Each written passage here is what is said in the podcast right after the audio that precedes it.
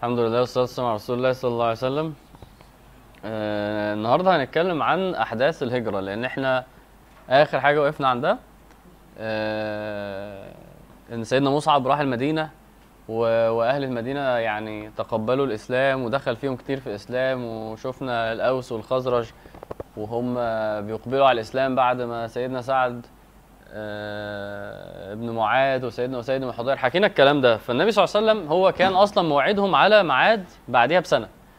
إنه إحنا بعد ما اتقابلنا أول مرة وتعهدنا على على البذرة دي الستة اللي في الأول دول آه، النبي صلى الله عليه وسلم آه، بعد كده جوله كام واحد؟ 12 واحد قلنا.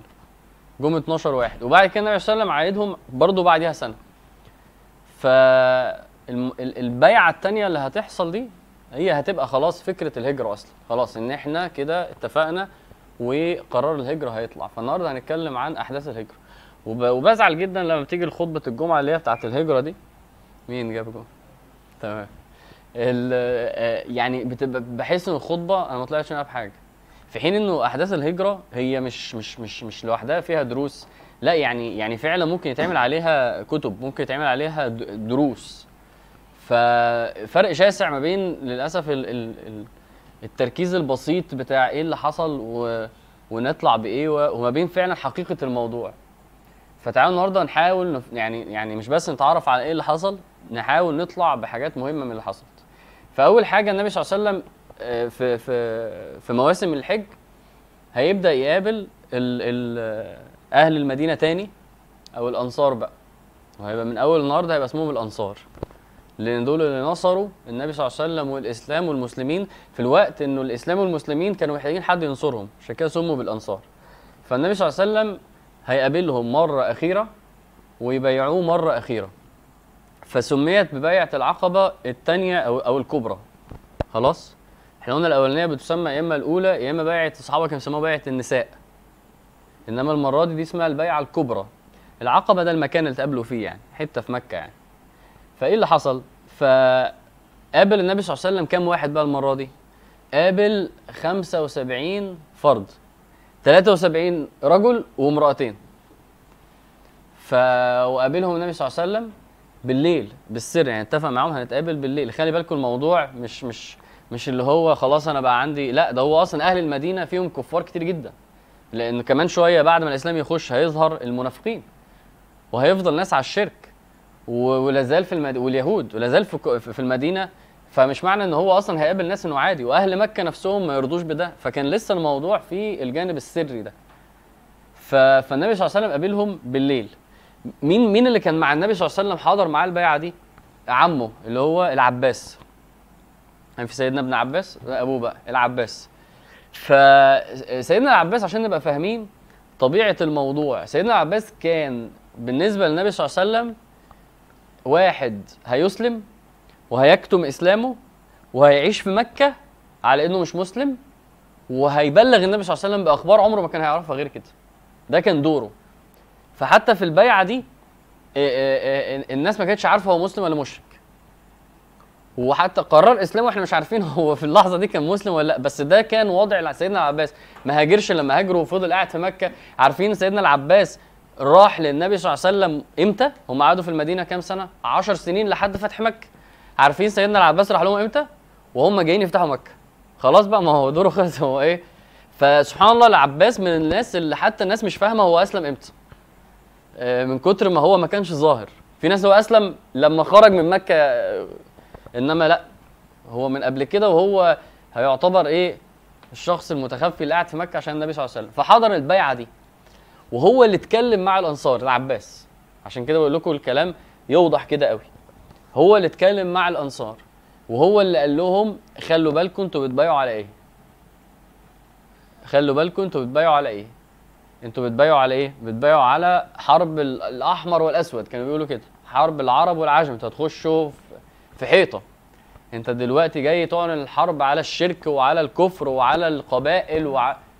وجاي ترفع راية جديدة راية الإسلام راية التوحيد وبتقطع الوصال وال... وقصة الولاء والبراء إنه المسلم هو اللي بس هيبقى حبيبي وهيبقى هيبقى ليه عندي مكانة وهيبقى عندي أخوة وغير المسلم ده خلاص بيتصنف على إنه غير المسلم أيا كان قبيلته إيه وهتعامل معاه بشروط. أنتوا جايين في حاجة كبيرة فخلوا بالكم. شوف مين اللي بيقول كده؟ العباس هو اللي بيقول لهم كده. فعايز أقرأ آه، معاكم نص البيعة. هم قالوا النبي صلى الله عليه وسلم عايزنا نبايعك عليه. هنتفق عليه. فالنبي صلى الله عليه وسلم قال تبايعوني على. اسمع بقى. تبايعوني على السمع والطاعة في النشاط والكسل. وانت قادر وانت مش قادر. والنفقة يعني لو احتجت فلوس هتدوني عشان الإسلام. في العسر واليسر وانت معاك فلوس وانت برضه لو محتاجها. وعلى الأمر بالمعروف والنهي عن المنكر نصرة الدين ده ونشر الدين ده مسؤوليتك. الأمر بالمعروف والنهي عن المنكر. وأن تقوموا في الله لا تخافون لومة لائم يعني أنت هتشيل الدين ده وهتقوم تتكلم عنه وهتقوم تشتغل عشانه مفيش حد هيوقفك مفيش حاجة هتخوفك. وعلى أن تنصروني وتمنعوني كما تمنعون أبناءكم ونساءكم. هتحموني وهتدافعوا عن الدين ده وعننا كأنك بدافع عن أهلك بالظبط. ف فتمنعوني إذا قدمت عليكم. فتمنعوني إذا قدمت عليكم. بعد كده عليه قال إيه؟ ولكم الجنة. ده نص البيعة. في اي كتاب سيرة ولكم الجنة نقطة. ف وأنا بسمع الكلام ده. عارفين؟ مفيش مفيش يا جماعة مفيش تزيين مفيش تحوير. هو ال- ال- اللي عايز يعبد ربنا لازم يعمل حسابه إن هو لما بيقول أنا هسمع كلام ربنا أنا عايز أعبد ربنا ده معناها أنا ناوي اجاهد نفسي. يعني دي بتس... معناها إيه؟ معناها أنا ناوي اجاهد نفسي. أنا ناوي أبطل الحاجات الحرام. أنا هوايا في حاجة معينة أنا ناوي إن أنا أخالف هوايا في الحاجة دي. أنا هوايا مش مع حاجة معينة أنا ناوي إن أنا أجاهد نفسي في الحاجة دي. يعني لازم تبقى عارف كده. يعني النبي صلى الله عليه وسلم ما راحش قال لهم بصوا هتصلي لو قادر ولو عايز تصوم صوم.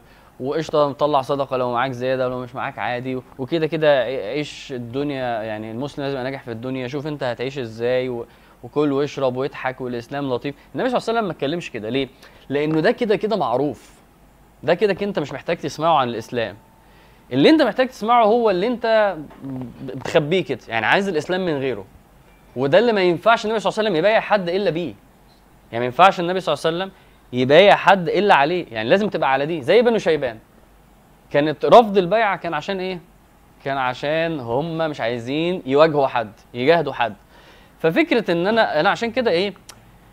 يعني فكرة إنك تجر رجل حد بكلام غلط ده لازم يبقى حد بعيد قوي قوي قوي يعني عارفين النبي صلى الله عليه وسلم مثلا كان بيألف قلوب الناس ساعات. يعني إيه بيألف قلوب الناس؟ يعني يجي واحد كافر بعيد قوي فيلاقي مع النبي صلى الله عليه وسلم مثلا غنم فيقول له خد الغنم ده في فيقول إيه ده؟ ده أنا هبقى مسلم عشان عشان حاجة عشان الفلوس وكده. فاهمين؟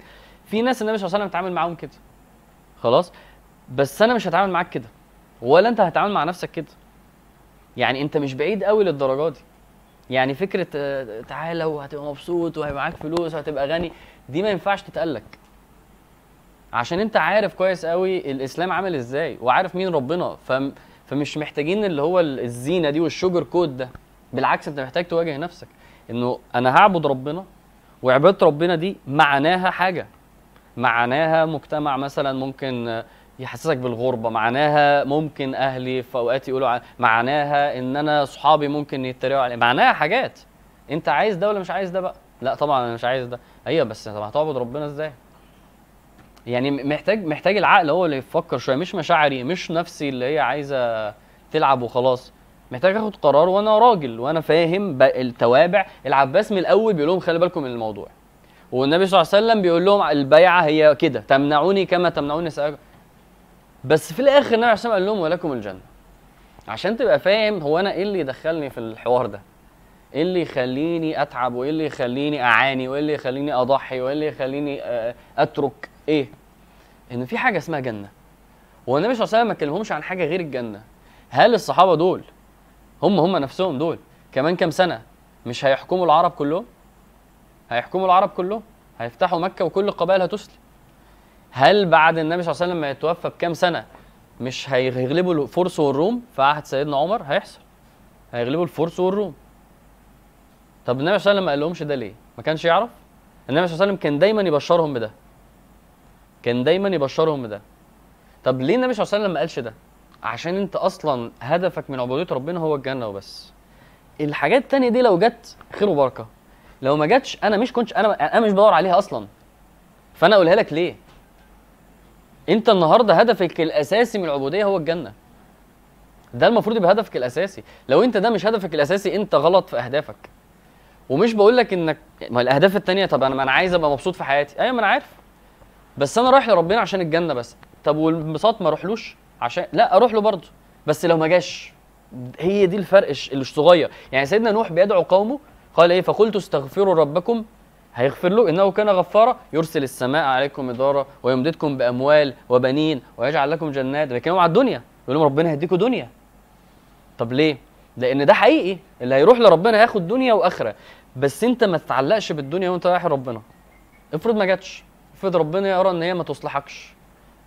يبقى أنا المهم ان أنا اخد الجنة. فمن الأول أنا اهم حاجة الجنة يا رب. والحاجات التانية آه يا رب عايز انجح وعايز اتجوز وعايز اخلف وعايز ابقى مبسوط وعايز ابقى مستور في الدنيا. طيب ما أنا هتعب ده طبعا. والعبادة هي اللي هتجيب ده برضه. بس أنا أصلا عايز ده ولا عايز الجنة؟ طب عايز أنهي أكتر؟ خلينا نفترض إن عايز كله. طب عايز أنهي أكتر؟ النبي صلى الله عليه وسلم بيزرع في الصحابة فكرة أنت عينك على الجنة وبس الباقي جه حلو ما جاش؟ مش موضوعنا خالص. فمحتاج إن أنت تسمع كلام النبي صلى الله عليه وسلم صح. طب أنا هصلي ليه؟ عشان الجنة. طب أنا ارتحت في الصلاة في الدنيا؟ ماشي كويس. بس برضو المهم الجنة. ما هو يعني افرض العبادة جابت دنيا وما جابتش آخرة. هبقى مبسوط كده؟ لأ. طب افرض كمان 30 سنة انت خلصت من الدنيا دي بس طلعت بجنة يبقى ده كل حاجة. فمحتاج تظبط البوصلة انت بتعبد ليه؟ فالبيعه سبحان الله نصها والله في وضوح. اللي هيعبد يا جماعة مش هياخد الجنة في الدنيا لا بالعكس. العبادة فيها مشقة فيها تكليف. بس في نفس الوقت هياخد الجنة. بحس دي خلاصة أصلا الهدف من الحياة.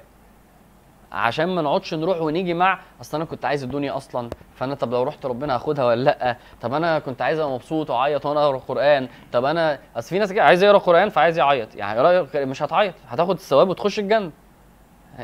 عايز أصوم بس مش عايز أحس بالصيام مش هينفع. طب عايز اغض بصري وعايز عايز أصلا ما بقاش عايز أبص مش هينفع برضه. هي لازم تبقى عايز تبص وتغض بصرك. طب ده كده في حوارات. أيوه هي في حوارات.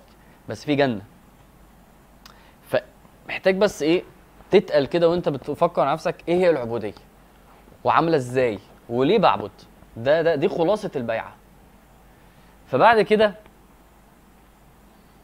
شوف برضو قبل ما يقوموا يبيعوه وقفهم اللي هو سيدنا أسعد بن زرارة اللي في كان في الأول في الستة اللي استقبل سيدنا مصعب معاه على طول سيدنا أسعد ده من أول الأنصار يعني. وقال لهم استنوا نفكر كويس فإنا لم نضرب إليه أكباد الإبل إحنا ما مشيناش كل ده إلا ونحن نعلم أنه رسول الله إحنا عارفين إنه نبي. بس بدأ يقول لهم إيه؟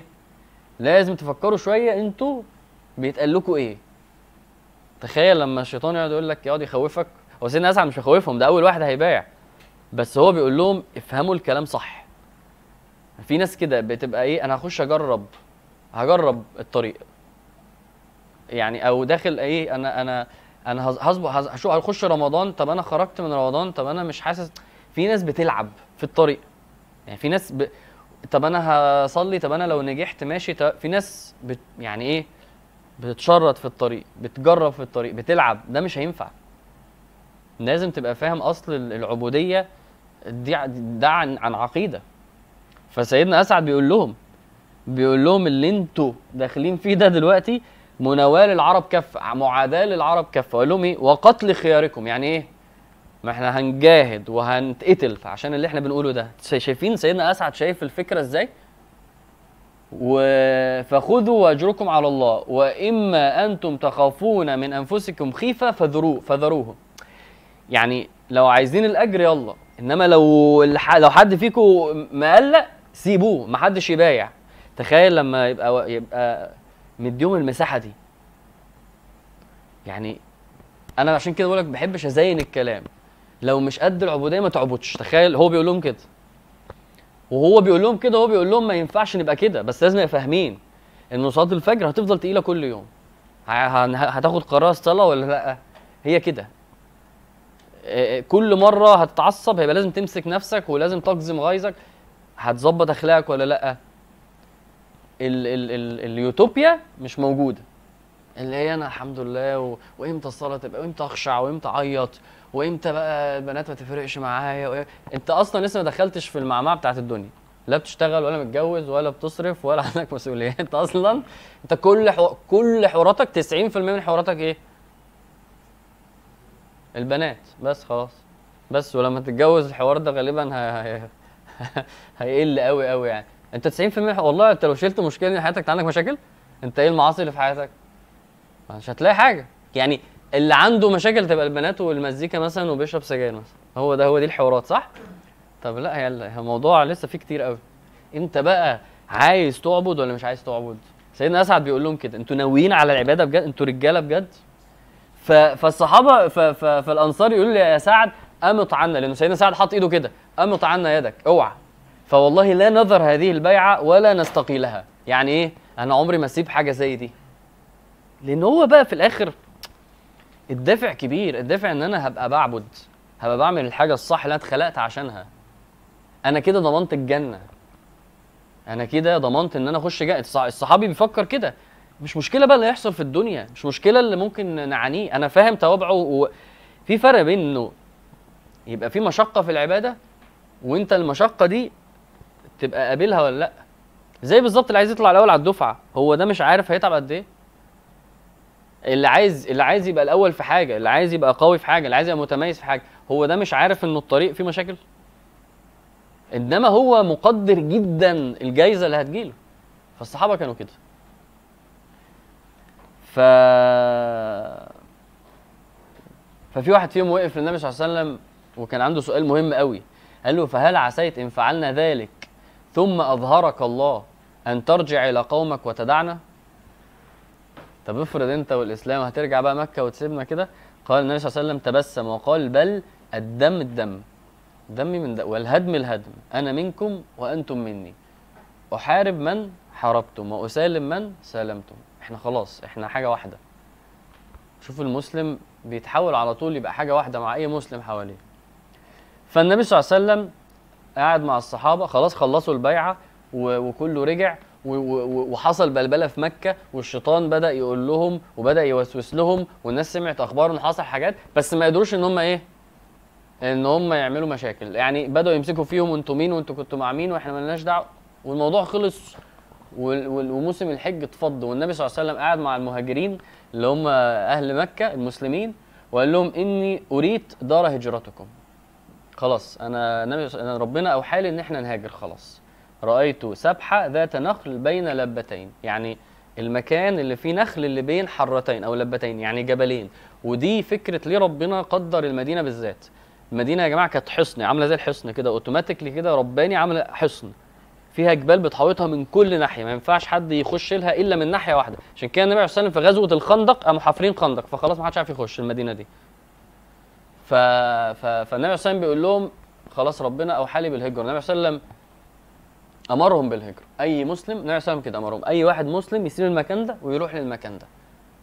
وهيسيب أي حاجة عنده هيسيب أهله هيسيب ولاده. لو لو كفار مثلا ومش عايزين يسلموا هيسيب مراته هيسيب بيته هيسيب فلوسه هيسيب تجارته وهيروح البلد دي. أنت متخيل القرار ده عامل إزاي؟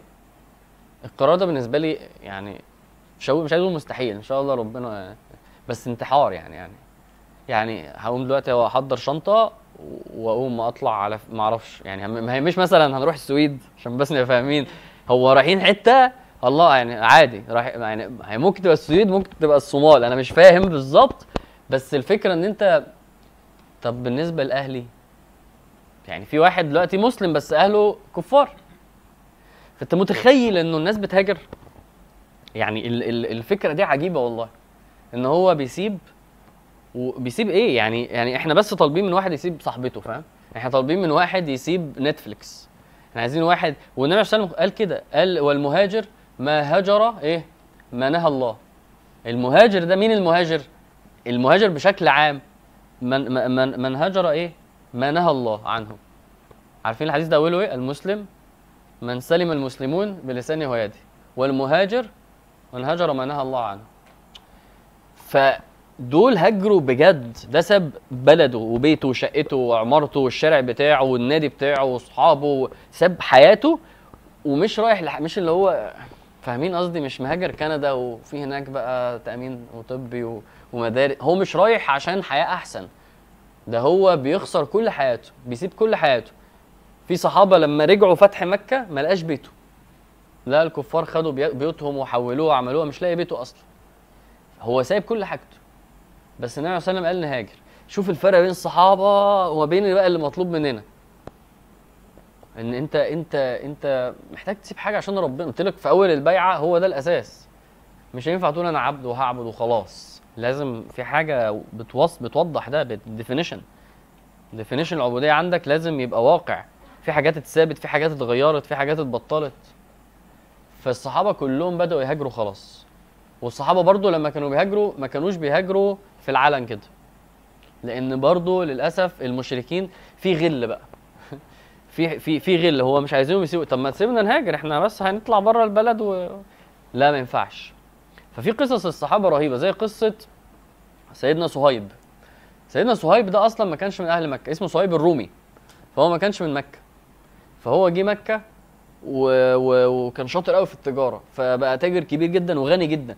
فوهو مهاجر سيدنا صهيب فخرج بقى بفلوسه بقى وممتلكاته ف... فالموضوع يعني إيه كان معاه فلوس كتيرة يعني.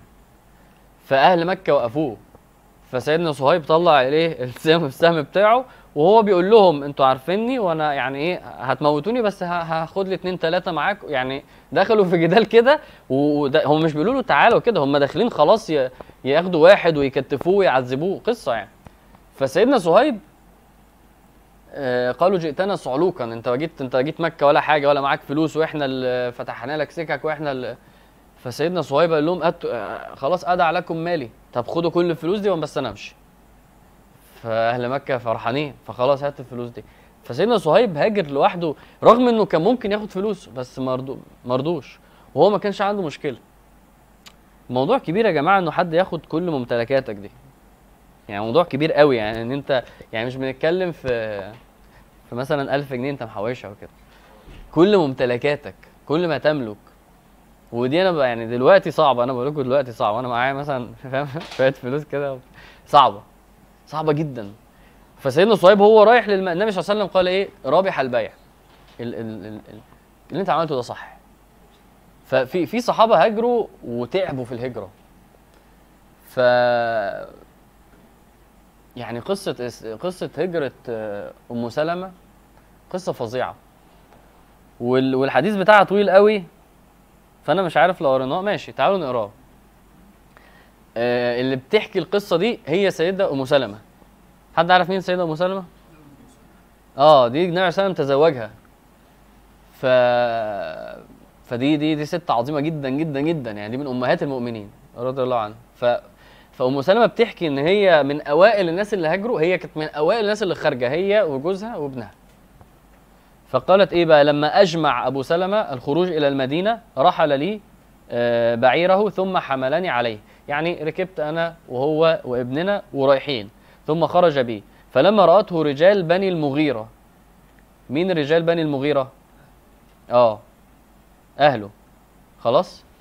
فقالوا إيه بقى؟ هذه نفسك غلبتنا عليها. يعني يعني أنت آه أنت عايز تهاجر هاجر. بس أرأيت صاحبتنا هذه على ما نتركك تسير بها إلى البلاد. أهلها بيقولوا له إيه؟ أنت نفسك خلاص أنت حر بس أنت مالك ومال بنتنا؟ مالكش دعوة ببنتنا. بنتنا ما تهاجرش معاك. وعملوا إيه؟ وقاموا طالعين وقاموا واخدين منه مراته أم سلمة. آه، فعملوا إيه؟ ف فغضب مين اللي غضب؟ أهله من أهلها. ماشي؟ في عيلتين كده هي عيلتها خرجت تقول له أنت واخد بنتنا ورايح على فين؟ تعالى. عيلته غضبت.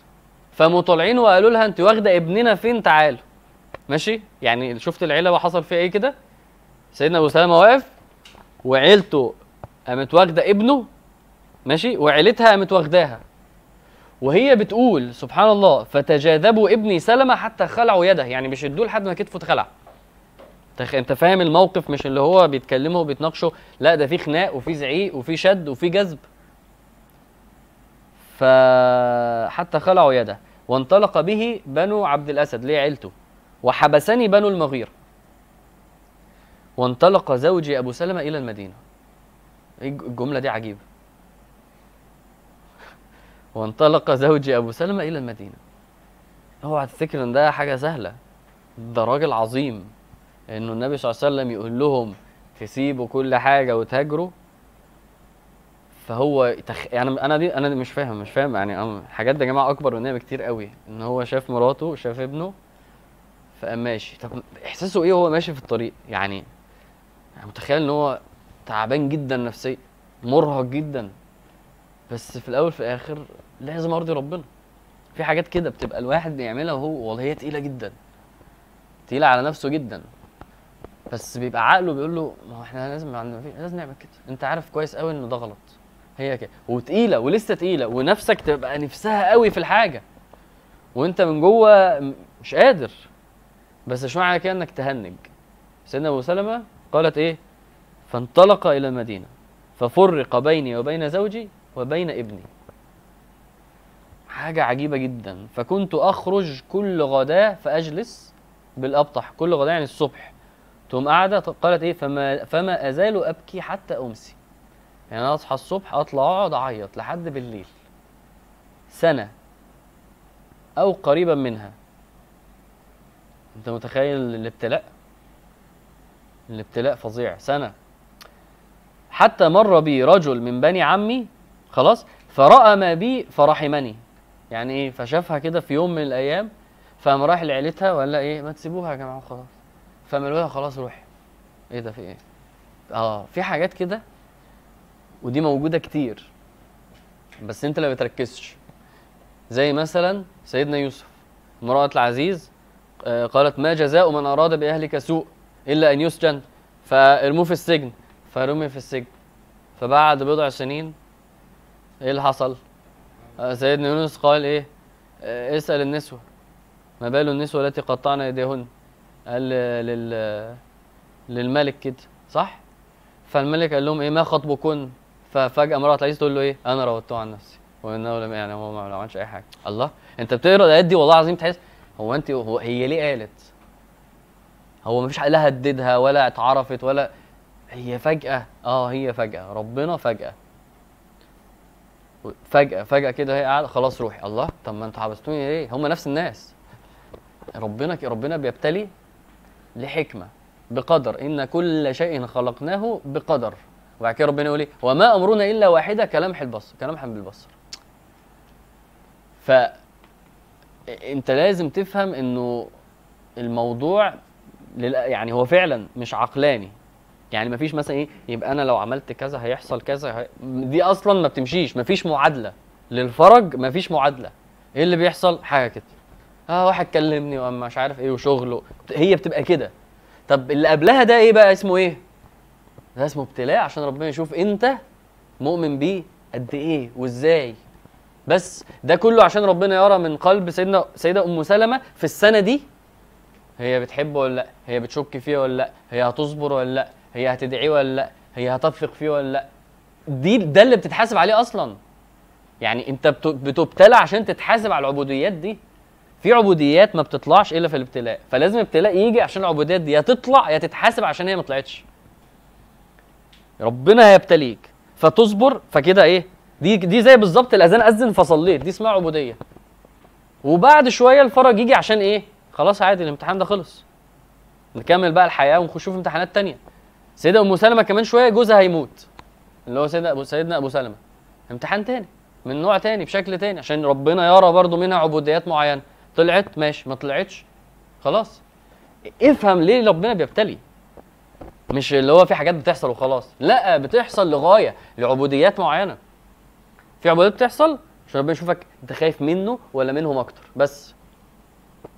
في عبوديات بتحصل عشان ربنا يقول انت متوكل عليا وبتثق فيا ولا لا؟ وتبقى الظروف إيه؟ يعني ما هو فكرة الابتلاء عشان الحاجة دي تطلع لازم يبقى الابتلاء فيه في حكمة.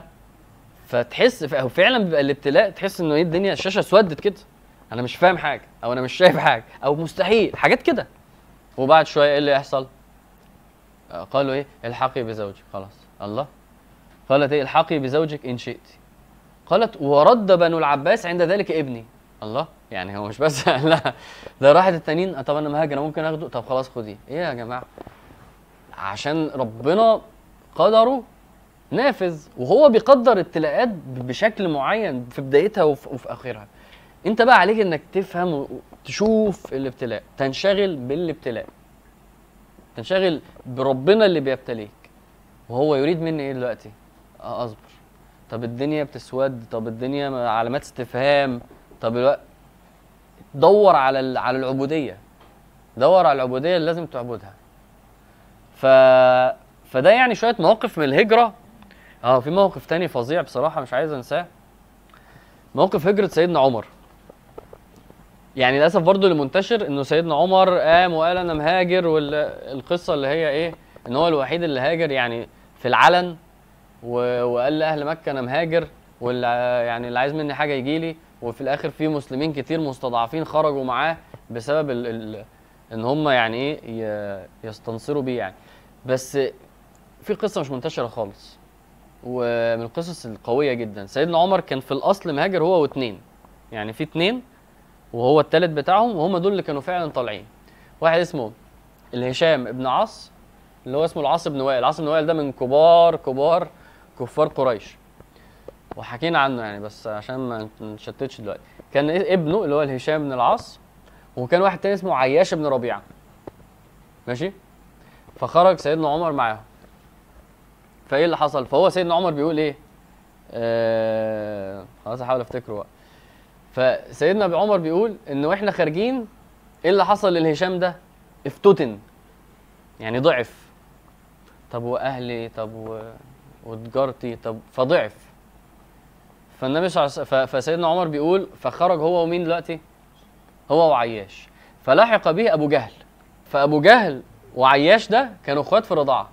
فأبو جهل رايح لعياش يقول له يقول له إيه؟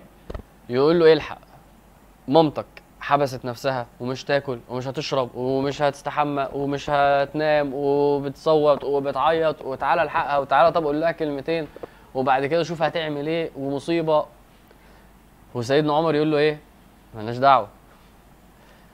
وهنا العياش برضو إيه؟ سيدنا عياش ضعف فرجع مع أبو جهل وافتتن المشكلة إن الموقف ده آه،. يعني أغلبنا بيمر بيه. أغلبنا بيمر بيه. أغلبنا مش عايز يهاجر نتيجة ضعف الضعف اللي جوه نفسه. والضعف ده ساعات يبقى غلط. يعني يعني واحد بيحب مامته لدرجة إن هو إيه إن هو ما ما, ما يروحش لربنا. ده غلط. عشان بس تفهم إنه في في حاجات غلط. بيحب أصحابه جدا لدرجة إنه مش هيلتزم عشانهم. ده غلط. في واحد ممكن يبقى عارفين عارفين اللي هي لما واحد يسيب صاحبته فأصل أنا كده سوحتها وأنا كده هي كده في رقبتي. ده ضعف غلط. ده ضعف غلط. أنت ما ينفعش توصل للضعف ده.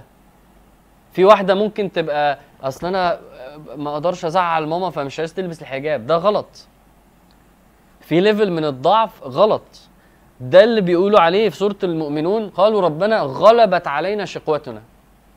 شقوتنا يعني نفوسنا يعني أهوائنا غلبتنا. أنا ضعفت. في ضعف غلط. هيخش النار عشان الضعف ده. فأوعى تفتكر أصل أنا ما بعرفش أواجه الناس. ده ممكن يدخلك في مشكلة كبيرة. في في مرحلة من ال... من إن أنا إن أنا عندي حياء وعندي أدب وماشي تمام بس عندي ضعف مش قادر أظهر الحق ده غلط. ده ده مشكلة كبيرة. وكل بقى إيه كل واحد عنده ضعف في حتت معينة. بس بتبقى فعلا شوف ده ضعف إن هو إيه يعني علاقته بأمه قوية جدا لدرجة إن هو مش قادر يسيبها كده عشان ربنا. ما ينفعش. وسيدنا العياش افتتن. وسيدنا عمر بيقول إحنا كنا بنقعد في مكة في المدينة نتكلم عن اللي زيه ان دول هيحصل فيهم إيه؟ دول راحوا فين دول؟ خلاص. لحد ما نزلت آية اللي هي آية سورة الزمر آه، قل يا عبادي الذين أسرفوا على أنفسهم لا تقنطوا من رحمة الله. سيدنا عمر بيقول أنا أول ما قريت الآية دي أول ما نزلت الآية دي قمت كتبتها وبعتها على طول لمين؟ لعياش وهشام بن العاص. فهو اللي بيحكي دلوقتي سيدنا هشام هشام نفسه. النبي صلى الله عليه وسلم غريب قوي غريبة جدا إن أنا اكتشفت إن النبي صلى الله عليه وسلم كان ليه أدعية يقول إيه؟ اللهم انجي عياش بن ربيعة. اللهم انجي هشام كان يدعي لهم. اللي هو أنت في ناس معينة النبي صلى الله عليه وسلم فاكرهم وعارف إنهم يعني كويسين بس ضعفوا فيدعي لهم كان. فسيدنا هشام بن العاص يقول أنا مسكت الورقة فمش فاهم. يعني هو ليه باعت لي الكلام ده؟ هو فاهم إن ده القرآن بس هو مش فاهم. يعني هو مش مش رابط الموقف بإن هو ضعف وإن هو افتتن وإن هو ربنا بيقول له لو هاجرت خلاص كل حاجة آه تتصلح هو فهو بيقول قمت قاعد أقول يا رب فهمني الآية. ويقول قعدت أبص فيها قعدت أبص فيها لحد ما قام هاجر. عجيب برضو إن هو ربنا زي زي المرة اللي فاتت برضو لما قلنا على القصيرم فاكرين؟ اللي هو أسلم من غير ما يصلي. آه، دخل الجنة من غير ما يصلي لأنه مات أول ما أسلم في الحرب. عجيب انه ربنا واحد يعني يدي ظهره للطريق وربنا يسيبه ويدعوه ويمهله ويوصل له رسالة. ربنا أعز من ده وأكرم من ده و... مش محتاج ده بس ربنا ليه فعلا شؤون معانا بتخلي الواحد والله في نص هدومه يعني. مش ممكن يا رب كل اللي أنت بتعمله معايا ده يعني في صفة صفة الحلم دي عجيبة. مش ممكن يا رب يعني الحلم يبقى كل ده.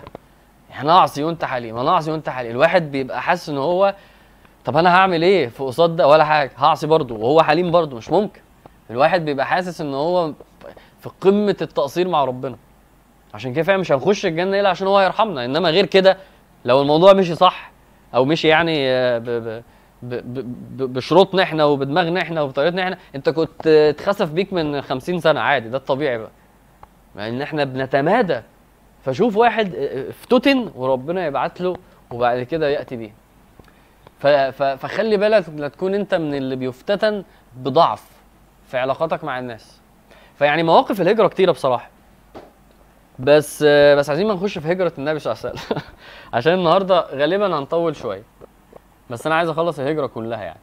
النبي صلى الله عليه وسلم من من من من من, من أواخر اللي هاجروا آه، وقعد في مكة آه، آه، فترة لحد ما ما قدر ما قدر ربنا إن هو يهاجر. وسيدنا أبو بكر كان ناوي يهاجر النبي عليه وسلم قال له استنى. يعني عشان إيه تهاجر معايا يعني. وسيدنا جبريل فعلا جه للنبي صلى الله عليه وسلم وقال له دلوقتي تهاجر. والنبي صلى الله عليه وسلم راح لسيدنا أبو بكر والسيدة عائشة اللي بتحكي بتقول هو جالنا في وقت مش طبيعي بيجي لنا فيه. وهو راح له أول ما راح له قال له إيه أخرج من عندك فضي البيت عشان يعني خلاص هكلمه في حاجة سرية جدا مهمة جدا. وما كانش في غير السيدة أسماء والسيده عائشة. فقال له بس ما فيش غير أسماء وعائشه والنبي صلى الله عليه وسلم قال له إيه؟ أذن لي بالهجره فقال له أبو بكر إيه؟ الصحبة. أنا هاجي معاك. قال له خلاص الصحبة. وسيدنا أبو بكر آه، آه، قال له أنا إيه؟ أنا هجهز ال ال ال الأمتعة والبعير و و والنبي صلى الله عليه وسلم يقول له كلمة غريبة قوي يقول له بالثمن. يعني إيه بالثمن؟ يعني أنا هدفع معايا أنا سبحان الله فعلا. فيقول له بالثمن. وبعد كده يتفقوا على خطة الهجرة. خطة الهجرة بقى فظيعه يعني سبحان الله فعلا. آه واللي حصل أصلا إن هو سيدنا جبريل جاله لأنه المشركين خلاص هم عملوا الاجتماع بتاع دار الندوة دي اللي بيجتمعوا فيها وقرروا إن إحنا في اليوم الفلاني هنروح نقتل النبي صلى الله عليه وسلم خلاص. هنروح نقتله. يعني قولا واحدا الموضوع خلصان. هو اليوم ده هنقضي فيه بقى على موضوع الإسلام ده.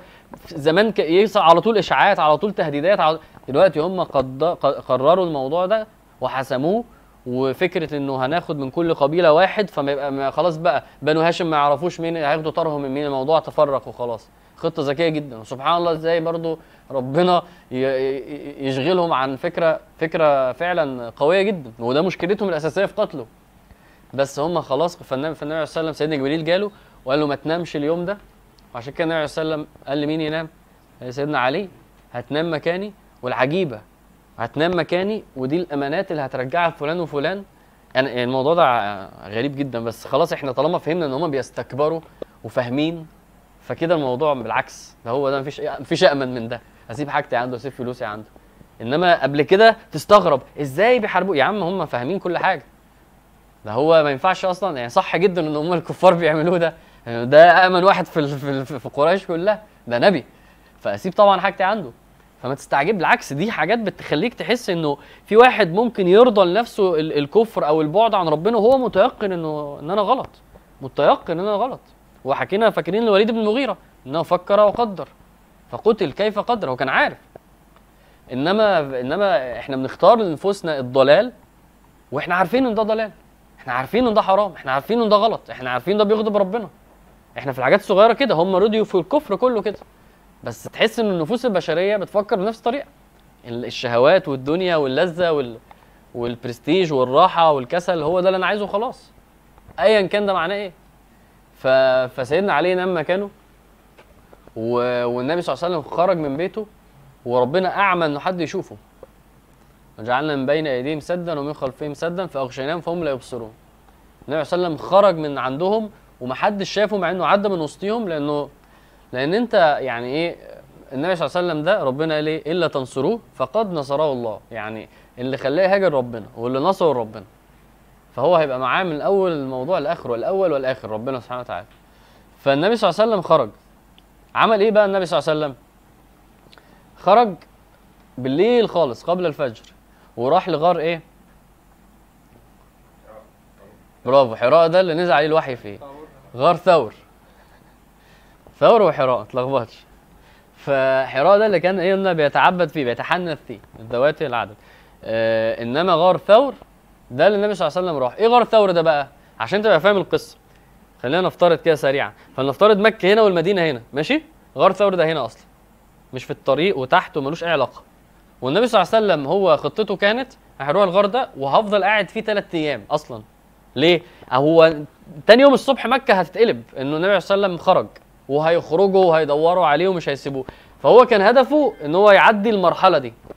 إن أنا أقعد هنا ثلاث أيام ولحد ما هم يقعدوا بقى يفركوا ويروحوا وييجوا ويعملوا دوشه وبعد كده نخرج إحنا نهاجر بقى. ومش هيهاجر من طريق المدينة العادي هيهاجر من طريق الساحل. يعني شو الخطة محكمة جدا. الخطة فعلا واقعية جدا. والنبي صلى الله عليه وسلم عمل إيه بقى؟ بدأ إن هو يستخدم آه، الناس اللي حواليه عشان يساعدوه. فسيدنا عبد الله ابن أبي بكر كان يعمل إيه؟ كان دوره إنه كل يوم يجي لهم يعني كان عارف مكان الغار يجي لهم عشان يقول لهم النهارده مكة عملوا إيه وطلعوا قرار إيه واجتمعوا وعايزين بيدوروا فين. ده كان دوره الوحيد. واتفق مع واحد تاني اسمه ابن فهيرة. كان دوره ده واحد كان بيرعى الغنم فأنت هترعى الغنم في الحتة دي عشان عبد الله بن أبي بكر ده أثار أقدامه تتشال. وخلي بالكم العرب تقال جدا في الحتة دي. يعني يعني عشان بس يعني اللي هو إيه هيشوفوا آثار. آه لا أنت مش فاهم. في غزوة بدر لما نجي لها أنا بس هسبق عشان تفهم يعني. في غزوة بدر سيدنا أبو سفيان اللي هو كان لسه على الكفر عرف منين المسلمين جايين؟ يعني هي حاجة بعيدة شوية بس يعني حاجة مش هحاول أوصفها بشكل كويس. بس مسك ال ال ال البراز بتاع البعير. ماشي؟ وطلع منه النواة بتاعت التمر. وقال لهم ده تمر المدينة. يبقى المسلمين هنا. ودي مش اللي هو عشان هو ما حصلش. هم العرب كده هم العرب العرب كانوا كده بقى. هو آه آه، لا لا الع- العرب كانوا كده. يعني هو آه، آه، فكرة عشان كده في قصة تانية من القصص المهمة. قصة سيدنا أبو س- سلمة بن الأكوع غير أبو سلمة ها المهم إنه سيدنا سلمة ده كان أحد المشركين على حصان وهو على رجله وجابه. إزاي؟ بس بان هو بيمشي ورا أقدام الحصان فاهمين؟ فالعرب كانوا كده. فكان في واحد مخصوص عشان آثار أقدام اللي راح لهم الأخبار. والسيدة أسماء كانت دورها إن هي أنا اللي هودي الأكل. كل يوم تروح لهم عشان تودي لهم أكل. آه، خطة فظيعة. وقعدوا كده ثلاث أيام. وحصل اللي إحنا عمرنا فعلا ما نتخيله. إنه المشركين قرروا وهم بيدوروا يدوروا هنا. لحد ما وصلوا للغار. ودي اللي سيدنا أبو بكر قال له إيه؟ لو نظر احدهم أحدهم تحت قدميه لرآنا. فالنبي صلى الله عليه وسلم قال أسكت أبا بكر. أسكت أبا بكر. أنت إزاي تقول كده؟ ما ظنك باثنين؟ الله ثالثهما. ف أنا بس كل اللي بقوله إيه؟ ليه ربنا يخليهم يروحوا لحد هناك طالما مش هيحصل حاجة ويمشوا؟ عشان لقطة بكر مش عشان لقطة ابو بكر عشان ال... عشان اللي إحنا لسه قايلين عن أم سلمة. ليه؟ ليه يحبسوها طالما هيسيبوها؟ عشان العبودية اللي هتظهر هنا. عشان تفهم إن أنت مش مش منك مش بيك. الموضوع مش بيك. أنت لو بخططك لوحدك برضه تفشل. أنت لو بعقلك برضه تفشل. ده معنى مهم قوي أنت لو معكش ربنا ومعاك كل السبل اللي في الدنيا دي برضه هتفشل. أنت أضعف من إنك تعيش من غير ربنا. وتاني حاجة عشان العبوديات اللي هتظهر شوف النبي عليه والسلام ظهر منه إيه؟ يا جماعة اللي النبي عليه والسلام ظهر منه ده والله لو ادوني وقت أكتب حاجة عشان الناس. يعني لو ادوني وقت امخمخ أقول إيه؟ ما, تعرفش تطلع ال- التوكل ده. فالنبي صلى الله عليه وسلم ربنا بيكرمه بال... بال... بالمواقف دي. بانه بيظهر منه عبوديات إحنا فاهم؟ أنت آخرك فاهم؟ تمصمص شفايفك كده معاه وتقول يعني إيه التوكل ده؟ إيه ده؟ وخلي بالك سيدنا أبو بكر مش زي ما أنت فاكر مش مش إيمانه ضعيف. النبي صلى الله عليه وسلم قال لو وضع إيمان أبو بكر في كفة وإيمان إيه؟ الأمة في كفة لرجح إيمان أبو بكر. الأمة بكل الصحابة والعلماء والتابعين وإحنا واللي جايين بعدينا. طب إزاي النبي عليه وسلم قال كده؟ لأن لأن إيمان سيدنا أبو بكر ده في حتة تانية. طب سيدنا أبو بكر طب ما هو كان باين عليه إنه خايف أهو. لا ما كانش خايف. كان خايف ولا ما كانش خايف؟ آه إذ يقول لصاحبه إيه؟ لا تحزن. مش لا تخاف. سيدنا أبو بكر كان كان كان مهموم على اللي ممكن يحصل في الدين وفي الرسول وفي الإسلام مش على نفسه. خالص. ف ف يعني الموقف موقف عجيب. انت أنا عايزك تقعد تفكر كتير في الموقف ده عشان بس الوقت. اقعد تفكر في الموقف ده. هل انت هل انت مؤمن بربنا؟ آه طبعا. طب هل انت متوكل عليه بجد؟ يعني اصل هو التوكل بيظهر كده. لما لما لما يقفوا عند الغار فهيظهر التوكل اهو. انما مثلا طول ما هو عبد الله بن أبي بكر يقول لهم إيه؟ لا المشركين مش جايين ولا فاهمين حاجة ولا ولا جاي. هتحس إنك هادي كده. إمتى إمتى إمتى التوكل يظهر؟ لما الخطر يقترب لما الابتلاء يشتد. هل أنت متوكل على ربنا؟ لازم تبقى عارف لازم تبقى متوكل على ربنا. شوف ربنا عمل إيه مع النبي صلى الله عليه وسلم في الهجرة. لما تقرأ القرآن بتتعرف على مين ربنا. والله فعلا لما بتقرأ القرآن بتتحول بعد كده عندك عقيدة ومشاعر إنه ربنا ده مش أي حد يا جماعة. ليس كمثله شيء. بتشوف ربنا فعلا هو بص بص عمل إيه مع سيدنا إبراهيم في النار. بص عمل إيه مع مع سيدنا يونس في الحوت. بص عمل إيه مع سيدنا موسى في مع فرعون.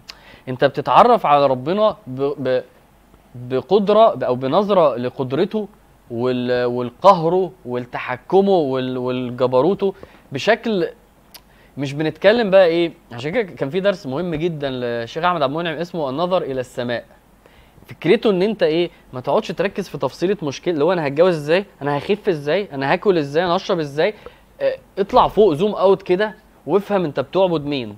لما بتقرأ القرآن ربنا بيكلمك عن عن نفسه بمواقف يعني بيقول لك إنه أهلك عاد وثمود. مش مثلا فاهم؟ في واحد مستحلف لك فاهم؟ وعايش. ربنا بيكلمك عن عن levels عالية جدا جدا جدا. وبعد كده بتنزل انت بقى لمشكلتك الصغيرة التافهه اللي هي أصلا ما تسويش حاجة في في قدرة ربنا فبتحس إن هي مش حاجة أصلا. تحس إن هي مش موضوع أصلا. فحتى الآية بتاعت الهجرة دي إذ يقول لصاحبه لا تحزن إن الله معنا فأنزل الله سكينته عليه وأيده بجنود لم تروها. وجعل كلمة الذين كلمه إيه كلمة الذين كفروا دي؟ يعني إيه كلمة الذين كفروا؟ إيه الكلمة دي؟ لا إيه الكلمة؟ بالظبط كده. إنه إحنا مثلا إن إحنا مثلا إيه هنقتل رسول الله أو إن إحنا هن هن هنهلك الإسلام ده. وجعل كلمة الذين كفروا السفلى. بعد كده ربنا يقول إيه؟ وكلمة الله العليا. معلش عشان دي حتة مهمة. آه، وجعل كلمة الذين كفروا السفلى. خلاص؟ بعد كده اللي بعديها دي وكلمته بالضمة. يعني إيه بالضمة؟ يعني ده مبتدأ. يعني دي جملة تانية خالص مالهاش دعوة باللي قبليها. مش وجعل كلمة الله العليا. فاهمين؟ وجعل كلمة الله العليا إن هي ما كانتش العليا إنما هي مش كده هي إيه؟ وكلمة الله العليا. ده الأصل أصلا. ده, ده يعني ده الديفولت أصلا إنه الله كلمة إنه الله هو الأعلى. ودي من الأسماء ال- الرهيبة إنه الله هو الأعلى. اللي, اللي هيقوله هيحصل واللي يريده هيمشي. الله أعلى من من كل حد. فإن أنت تستوعب بقى الكلام في الهجرة فيخليك من هو الله دي بتكبر عندك ويقدر على إيه؟ وبيقهر إزاي البشر؟ إن هو يخليهم واقفين عند الغار ومش هتشوفوهم. ده من قهر ربنا والله. اسم الله القهار من من الأسماء ال- ال- ال- العميقة قوي. القهر بتاعنا غير القهر بتاع ربنا. القهر بتاعنا إن أنا أحط مسدس وأقول لك قوم صلي. ده الإنسان هو بيقهر. الله مش كده. الله يقهرك وأنت قاعد كده تنام. طب حاول تقوم. لا مش عارف أفضل قايم طب وأنت نايم حاول تصحى. لا مش عارف أفضل صاحي. ربنا بيقهر على قدره. ربنا يخليهم يقفوا عند الغار وإيه؟ ومش هتشوفوهم. طب ده فاضل لنا حتة. لا هيوديهم لحد الغار وبرضه مش هيتمكنوا منهم. شايف ربنا عامل إزاي؟ فأنت محتاج تستوعب من الدروس دي إنه علاقتك بربنا لازم تن... لازم فعلا ترتقي في الإيم... إيمانك بربنا. ربنا بيقدر على إيه وبيعمل إيه. ف ففعلا الموقف بتاع الغار ده فهمت شوف لما ربنا وداهم الغار عشان نتعلم إحنا. نتعلم مين هو ربنا. ونتعلم العبد لازم يبقى عامل إزاي.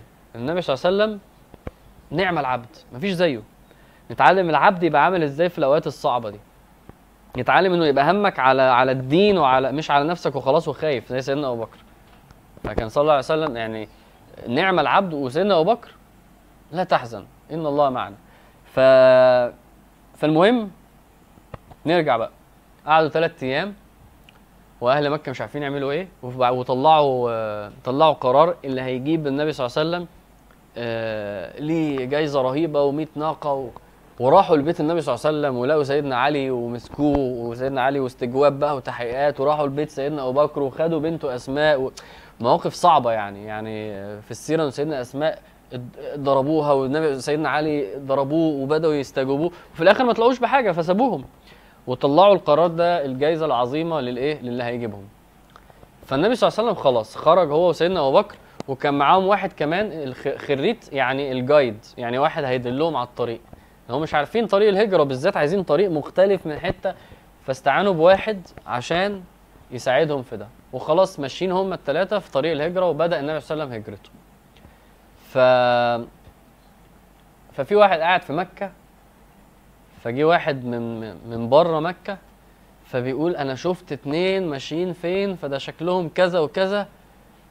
فقام قايل لهم إيه؟ لا لا ده مش هم ده ده فلان وفلان أنا عارفهم وكذا. وهو عارف كويس إيه؟ إن هم دول أبو بكر والنبي صلى الله عليه وسلم. أنا عايز الجايز أنا. ده اسمه مين؟ اسمه سراقة. سيدنا سراقة ابن مالك. سيدنا لأنه أسلم برضه. تمام؟ سيدنا سراقة بن مالك. فقال لك بص أنا أنا كتم على الموضوع وأشوف أنا هعمل إيه. وراح وجهز بعيره وخرج ولحد ما مشي في الطريق اللي التاني قال عليه لحد ما لقاهم. فسيدنا سراقة بقى إيه؟ قصته بتضحك قوي سيدنا سراقة بيقول أنا قبل ما أخرج هم عندهم فكرة الأزلام دي. الأزلام إيه؟ ربنا قال في القرآن تستقسموا بالأزلام. الأزلام دي كانوا يعملوا إيه؟ حاجة زي مثلا حجر كده أو يعني أحجار أو ايا كان يعني ويرمي ولو طلعت كذا هعمل لو ما طلعتش كذا هعمل. خلاص هو بيقرر بناء على إيه؟ بناء على رمية كده. والموضوع واضح يعني يعني هي هنستقسم ونشوف اللي هيحصل. فعارف هنطص كويس فهم كانوا بيطصوا أزلام. ف فسيدنا سراقة قال أخرج وراه ولا ما أخرجش؟ فرمى. فقال فخرج الذي أكره. يعني إيه اللي طلع؟ إنك ما تخرجش. قايل قمت خارج. خلاص؟ فهو بيقول فلقيت النبي صلى الله عليه وسلم قريب. فبدأ يستقسم. طب أروح ولا ما أروحش؟ فخرج الذي أكره. فقمت رايح. فسيدنا سراقة بيقول كلما اقتربت إيه اللي يحصل؟ هو بيقول الحصان بتاعي رجله تغطس جوه الرمل ويقف كده مش عارف يتحرك وقع ويقوم فيستقسم في الأزلام فيخرج الذي يكره فيقوم قوم الحصان ويمشي شوية يقوم واقع. فبيقول فعلمت أنه ممنوع. يعني هو النبي صلى الله عليه وسلم يا جماعة من أول يوم من أول الموضوع وربنا معاه. فأنت لازم تبقى عارف إنه من أول لحظة وربنا معاك. وفي الأوقات اللي أنت مش هتقدر ربنا معاك. يقول إياك نعبد وإياك نستعين. فأصل العبادة أصل في إن هو يعينك. فربنا من أول لما كانوا قدروا إن هم يقتلوه بعت له سيدنا جبريل. لما الغار ما خلاهمش يشوفوه المواقف اللي هي أنت مش تقدر عليها ما تقلقش لأن ربنا معاك. فالموقف ده رب... ربنا مش هيسيب النبي صلى الله عليه وسلم. ف... فسيدنا سراقه بيقول أنا علي... أنا عارف إن هو كده إيه أنا أصلا عارف إنه نبي من الأول وعارف إن هو مش عارف أصلا يتمكن. فبيقول حتى إيه بيقول أنا ناديت على النبي صلى خلاص طب إيه؟ قال له يعني إيه إذن لي أنا يعني أنا عايز أقرب لك فيعني إديني الأمان. تخيلوا؟ والنبي صلى الله عليه وسلم راح لسيدنا سراقه وقال له تكتم عني. يعني ما تقولش اللي إحنا ما تقولش إن أنت شفتنا. وإيه؟ ولك سواري كسرى. مين كسرى ده؟ ملك الفرس. قال له واوعدك إنك هتاخد الأساور بتاعت كسرى فسيدنا سراقة عمل إيه؟ قال له طب هطلع ورقة وتكتب لي الكلام هو عارف إنه نبي. هو عارف إن ده صح. هو عارف إن ده هيحصل. هو الموضوع الموضوع عنده مسلم. بس هو بالنسبة له قبل ما يسلم مبادئه مبادئه في الأرض. نبي مش نبي أنا عايز الجايزة. دلوقتي هو بقى عارف إنه الجايزة آه مبدئيا أنا مش هعرف أجيبه في جايزة تانية. ولك سواراي كسرى. وبعد فتح الفرس على ايد سيدنا عمر آه، سيدنا سراقة راح له بالورقة وخد ال... وخد وبعد ما أسلم طبعا. إنما سبحان الله فعلا يعني. آه، قلت لكم قلت لكم في ناس النبي صلى الله عليه وسلم بيألف قلوبها بطريقة. بس بس أنت خليك أرجل من كده وخليك زي الأنصار اللي بايعوا دول سيدنا كعب بن مالك بيقول إيه؟ بيقول أنا كعب بن مالك ده واحد من اللي شهدوا البيعة دي.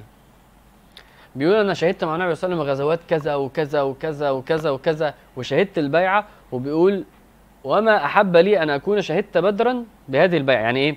يعني البيعة دي عندي أعظم من أي حاجة أنا عملتها. لأنه موقف رجولة. أنا عارف أنا بعاهد ربنا على إيه؟ موقف رجولة يعني. ف فإيه اللي حصل؟ فخلاص هم ماشيين. وسيدنا أبو بكر سبحان الله الخوف اللي على النبي صلى الله عليه وسلم ده معاه من أول الطريق. وهو يعني يقول كل شوية أمشي على يمينه أمشي وراه أمشي قدامه خايف عليه. والنبي صلى الله عليه وسلم قاعد بيقرأ قرآن. في حتة تانية صلى الله عليه وسلم يعني فعلا يعني. وهو سيدنا أبو بكر خايف عليه. وشوية آه، لما دخلوا الغار قال النبي صلى الله عليه وسلم استنى أخش أنا الأول. ليه؟ الغار ده قد كده. آه عشان لو في عقرب لو في تعبان المهم انت يا رسول الله. حاجة عجيبة جدا فعلا. وفي مرة كانوا هم ماشيين عطشانين فلقى واحد معاه لبن فجاب اللبن النبي صلى الله عليه وسلم وقال جملة عجيبة. قال فشرب حتى رضيت. جملة جملة جملة خطيرة. جملة برضو إيه محتاجة واحد يبقى قاعد بيكتب كتاب وعايز يقول حاجة حلوة عشان الناس فاهم تعيط وتسقف والله جملة عجيبة. بس ده حب سيدنا أبو بكر للنبي صلى الله عليه وسلم. دي الحاجات دي ما بتتكلفش مش هتعرف تجيبها إلا لو هي كده. من الآخر. عشان كده إذا يقول لصاحبه ده, ده, حب يعني يعني النبي صلى الله عليه وسلم كان بيحب سيدنا أبو بكر جدا. وقال ما نفعني مال ما نفعني مال أبو بكر. ما حدش نفعني بفلوسه زي ما أبو بكر عمل معايا. وبيقول النبي صلى الله عليه وسلم ما فيش حد ليه عندنا يد يعني إيه يد؟ يعني ليه عندي حاجة. عشان كده ربنا قال في سورة الليل إيه؟ وما لاحد عنده من نعمه تجزى. نفس المبدأ. فالنبي عليه وسلم قال ما فيش حد ليه عندي يد إلا وعملتها يعني في حدش ليه عندي يعني قدم لي مساعدة إلا رديتها له ما حدش ليه عندي حاجة إلا عملتها له. أنا مخ... يعني حدش محتاج يعني أنا كده موفي مع كل حد. قال إلا أبو بكر. أبو بكر ما أعرفش اوفي اللي عمله معايا. النبي صلى الله عليه وسلم بيقول كده. فيعني لا لا سيدنا أبو بكر إن شاء الله نحاول نتكلم عنه في مرات يعني. فالنبي صلى الله عليه وسلم وصل وصل خلاص إيه مش المدينة عشان تبقوا فاهمين المدينة بلد بس في ضواحي وجوانب فالنبي عليه وسلم وصل فأهل المدينة كانوا عارفين النبي عليه وسلم هاجر. فبقوا كل يوم يخرجوا ويقفوا. ما كان مفيش حد يفهمش كل يوم يخرجوا يقفوا. ولحد ما واحد من اليهود كان فوق النخل فشافه. فقال هذا إيه جدكم؟ أهو اللي أنتوا بتدوروا عليه جه. فخرج أهل المدينة واستقبلوا النبي صلى الله عليه وسلم. والعجيب إنه مين اللي جاي عليهم؟ دي خطيرة قوي ده يا جماعة. اللي جاي عليهم مين؟ في اتنين جايين. مين هما؟ سيدنا أبو بكر والنبي صلى الله عليه وسلم. فالناس بتجري على سيدنا أبو بكر. فالناس جريت على سيدنا أبو بكر. فسيدنا أبو بكر قام عامل قال يعني الشمس بإيه؟ إن هو بيغطي النبي صلى الله عليه وسلم من الشمس. فالناس قامت جارية على النبي صلى الله عليه وسلم. الموقف ده عجيب والله. ان أنت ما تبقاش عارف النبي صلى الله عليه وسلم وسط أصحابه دي عجيبة. وده اللي كان بيحصل كتير. كتير يجي واحد ما يعرفوش عايز يتكلم معاه عايز يسلم عايز ايا كان ويقول لهم فين محمد؟ فيقولوا له الرجل اللي قاعد كذا اللي, عم... اللي, شايف الناس دي اللي جنب ده هو. شكله كان واحد منهم عادي. ودي مشكلة كبيرة عندنا. يعني لما واحد النبي صلى الله عليه وسلم لما واحد قال له آه، رجل جميل يحب الجمال. يعني أنا بحب ألبس هل ده الكبر قال له لا. بس خلي بالك من حب التميز الأوفر اللي عندنا ده. اللي هو إيه يعني يعني لازم أبقى ملفت فاهم؟ لازم لازم أبقى مختلف. في ناس كده ما ينفعش أبقى عادي. النبي صلى الله عليه وسلم ما كانش يتعرف وسط أصحابه. يعني يعني ليه؟ لانهم مسلمين عادي. ليه ليه ألبس حاجة مختلفة عنهم وأقعد في حتة مختلفة عنهم وأمشي بطريقة مختلفة عنهم و... خلي بالكم من دي. خلي بالك من دي. تواضع. تواضع وعادي خليك واحد من الناس عادي جدا. ومن أحسن قولا ممن دعا إلى الله وعمل صالحا وقال إنني إيه؟ من المسلمين. دي مهمة قوي دي. ماشي إحنا نحب نلبس ونحب بس بلاش إيه بقى؟ بلاش المنظرة بلاش الفشخرة بلاش دي, دي, دي منين دي؟ دي, دي وريني دي أصلي دي وريني دي بتاع. وتحب إنه أنت إيه؟ أهم حاجة إنه وأنا لابس إيه؟ وخلي بالك وأنا جبت إيه؟ والجزمة اللي مش عارف إيه؟ والألوان اللي مش عارف. ساعات بن بن بنأفور كده بنحب التميز قوي بنحب الظهور قوي اتعلم دي من النبي صلى الله عليه وسلم. فالنبي صلى الله عليه وسلم لما وصل آه، بره المدينة يعني في أوائل المدينة وصل وقعد بقى. قعد أكتر من يوم في في قباء. قباء دي حتة بره المدينة. وأول ما وصل النبي صلى الله عليه وسلم بنى مسجد وصلى فيه. وبعد كده راح المدينة بعديه بكام يوم. يعني ما دخلش المدينة أول يوم. ريح شوية في في, في قباء. وأنت لو رحت المدينة دلوقتي بتقدر تزور قباء. هي بالعربية دلوقتي 20 دقيقة. ماشي؟ فأنت فاكر نفسك إن هي دي ما دي الم- يعني كده في المدينة. بس يعني هو الموضوع كان مختلف شوية على أيامهم وصحراء وما فيش بيوت ما فيش عربيات. فمش كل حاجة المدينة كانت تعتبر هي عارفين يا جماعة عشان بس تفهمين حد راح المدينة؟ حد ما راحش؟ اللي ما راحش يرفع ايده. يا لهوي. قولوا قولوا اشهدوا أنا ما رحتش المدينة؟ طيب الحمد لله إحنا رحنا والله. طب حد شاف المسجد النبوي قبل كده؟ عارفينه ده؟ تمام. عارفين الساحة اللي بره دي؟ ماشي؟ مش في ساحة كده بره كبيرة كده؟ هم الصحابة كانوا عايشين هنا. فاهمين؟ يعني اللي بره ده يعتبر إيه؟ اللي هو التجمع بقى وطريق السويس فاهمين؟ إنما الساحة دي يعني المسجد ده النبي عليه كان كان عايش في الحتة اللي هي فيها القبر بتاعه ده بيته. والباقي ده إيه؟ المسجد كان فين؟ لو رحتوا يعني المسجد يعني مش عارف النسبة بالظبط بس أساسا ما يكمل المسجد النبوي زمان ما يكملش 5% من المسجد اللي هو اللي جوه ده. والباقي ده كله هو فاهمين الفكرة؟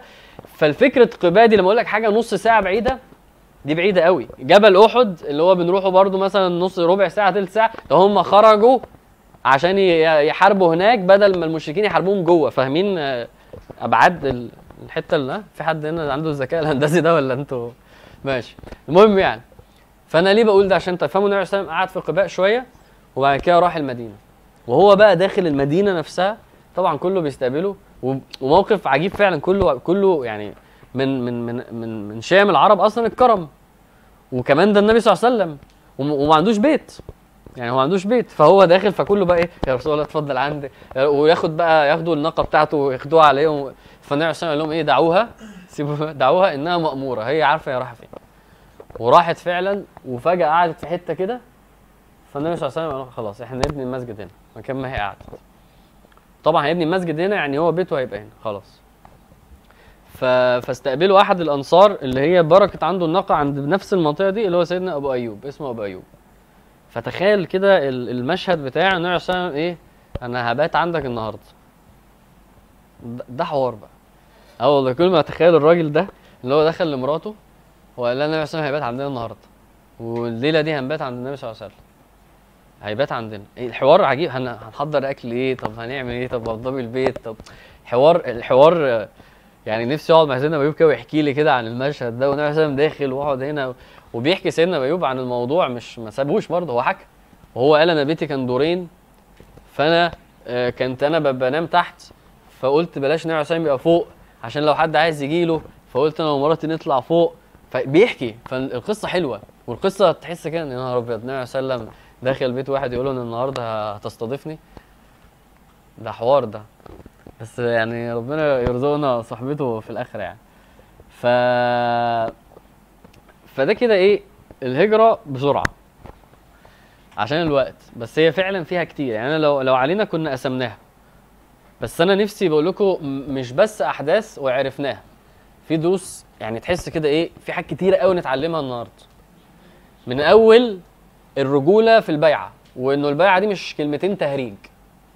لحد ما إن أنت يبقى في ذهنك حاضر أنا ببايع أو هخش في المعمعة دي عشان حاجة اسمها جنة أعظم بكتير من أي حاجة.